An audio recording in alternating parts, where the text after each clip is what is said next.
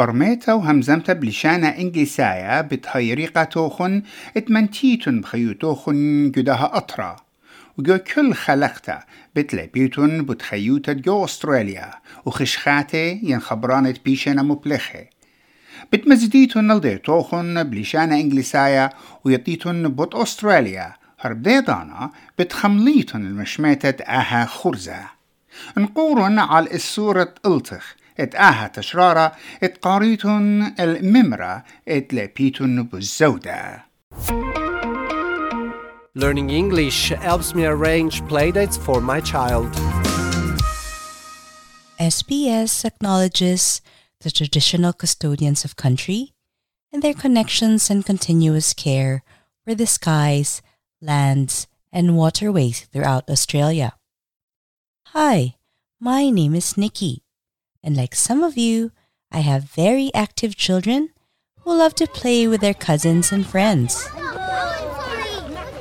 Playdates are great opportunities for my kids to spend time with other kids. What is a playdate, you may ask? A playdate is a time that parents arrange with other parents so that their children can spend time and play. Having playdates has many benefits, which we'll learn about later in this episode. But first, let's listen to a conversation between friends Claire and Alan. They're arranging a playdate for their sons who are friends. Hi, Alan. How you going? Hi, Claire. Yeah, good. Work's not too bad, and the kids seem to be settling into school okay. By the way, my son can't stop talking about your son, Noah. Yeah, Noah talks about Eric non-stop too. What about we set up a playdate for the kids this Saturday? They can hang out at ours. Okay, thanks for the invite. Yeah, I can drop Eric off at 1pm and maybe pick him up at 3. No worries. Or we can drive him back to yours if that's easier. Appreciate it. Thanks, Claire. See ya. Did you hear the casual way that Claire greeted Alan? She said, How you going? As you've probably noticed, it is very common in Australia to shorten words. So instead of saying, How are you going? This is often shortened to, How you going? Work's not too bad, and the kids seem to be settling into school okay. Alan's work is not too bad, which means everything is fine. He also said that his kids seem to be settling into school okay. If you are settling into something, you are starting to get comfortable. You can use this expression to talk about becoming comfortable in a lot of different situations. For example, if you started a new job, you could say, I'm settling into my new role. You can even use it to talk about living in Australia. I'm settling into Australia well. Alan's son Eric always talks about Claire's son Noah. Noah talks about his best friend Eric non-stop too. Non-stop means always or all the time. What about we set up a playdate for the kids this Saturday? To set something up means to arrange to do it or to schedule it. They can hang out at ours. To hang out means to spend time together. Ours is a shortened version of our place or our home. Alan then says, I can drop Eric off at 1pm and maybe pick him up at 3. To drop someone off and to pick someone up are opposites of each other. To drop someone off means to take them to a particular place, while to pick them up means to collect them from a place. Claire offers, We can drive him back to yours if that's easier. Yours in this case is a shortened version of your place or your house.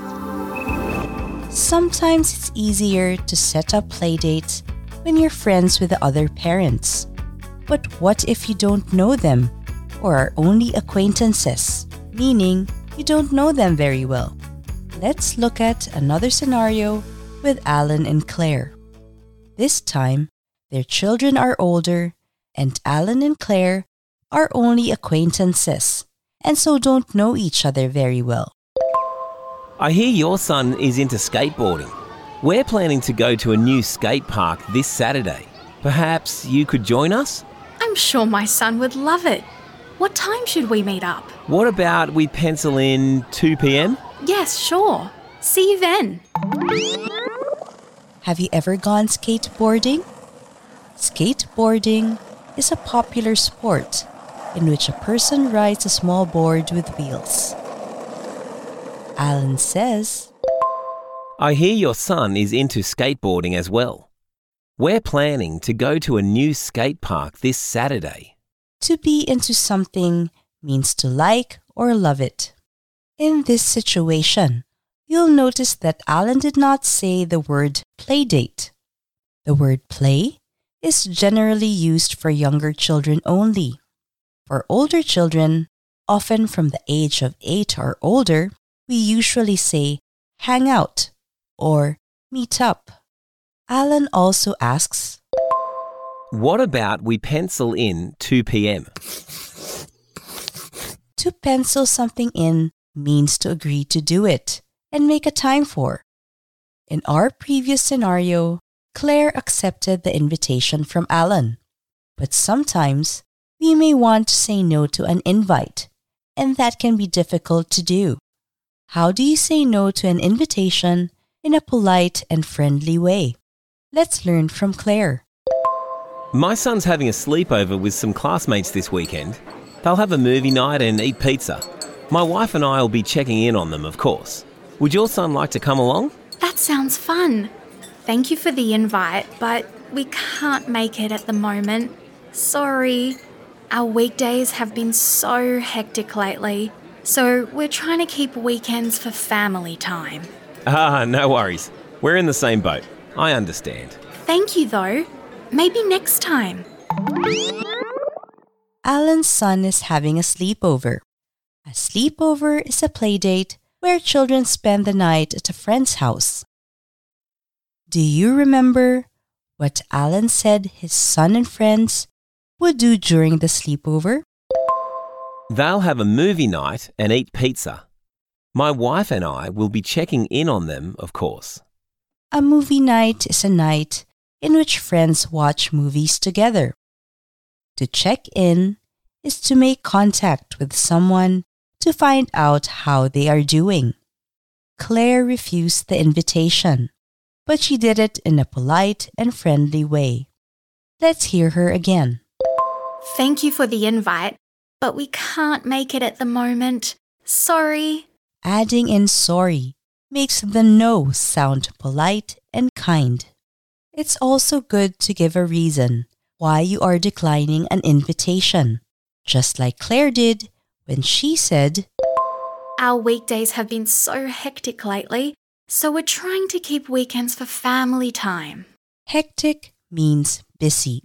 By giving this reason, Claire is saying that she would love for her son to spend time with other children, but right now is not a good time.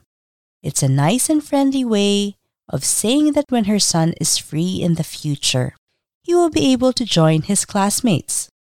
Alan then says, We're in the same boat. To be in the same boat means to be in the same difficult situation as Claire.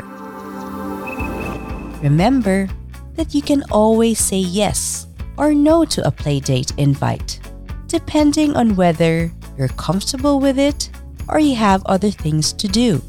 But there are benefits if you decide to let your child go on a play date.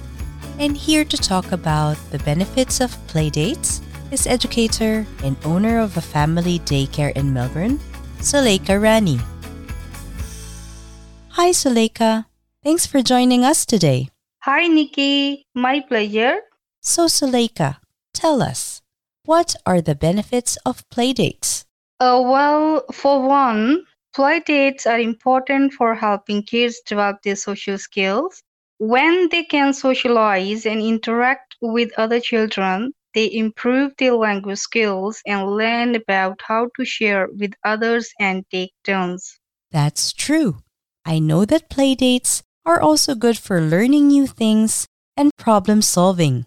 Definitely. Children can do all kinds of activities when they are on play dates, such as crafts, sports, and even cooking. It depends on what the children want to do and what the parents can or want to prepare for children. Sometimes they can simply play together.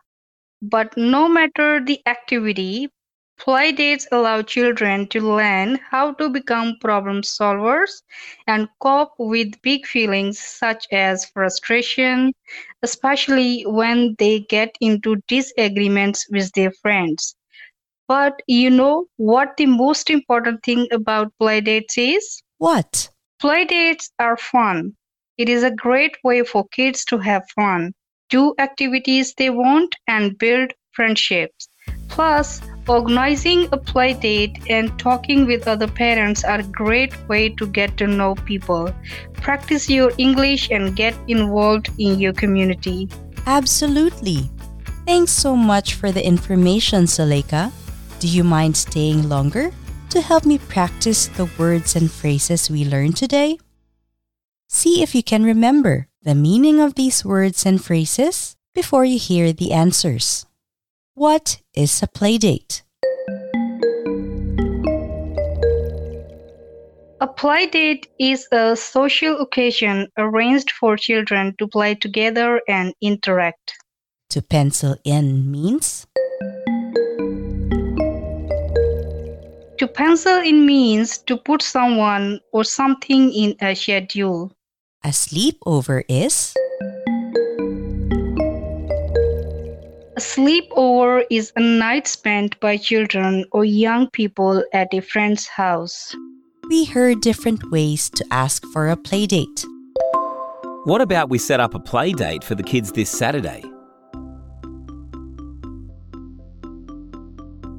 They can hang out at ours. Perhaps you are available to join us. What about we pencil in 2 pm? My son is having a sleepover this weekend. We'll be checking in on them. Would he like to come? We also heard different ways to accept a playdate. I can drop him off at 1 pm. I'll pick him up at 3 pm. I can drive him to yours. Appreciate it. What time should we meet up? And also different ways to decline a playdate. Thank you for the invite, but we can't make it at the moment. Sorry.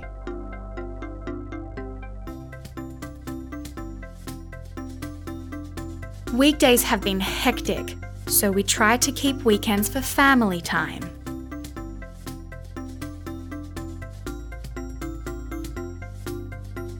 Thank you, though.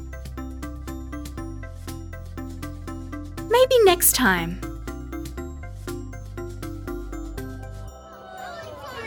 I love it when my mum organises me play dates because I get to hang out with my friends. It's so much fun.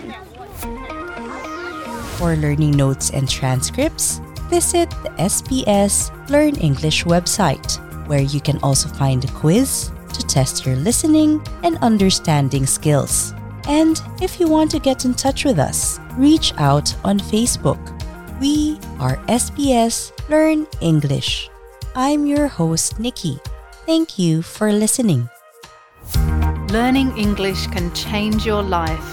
Subscribe so you don't miss an episode and visit our website for learning notes and transcripts.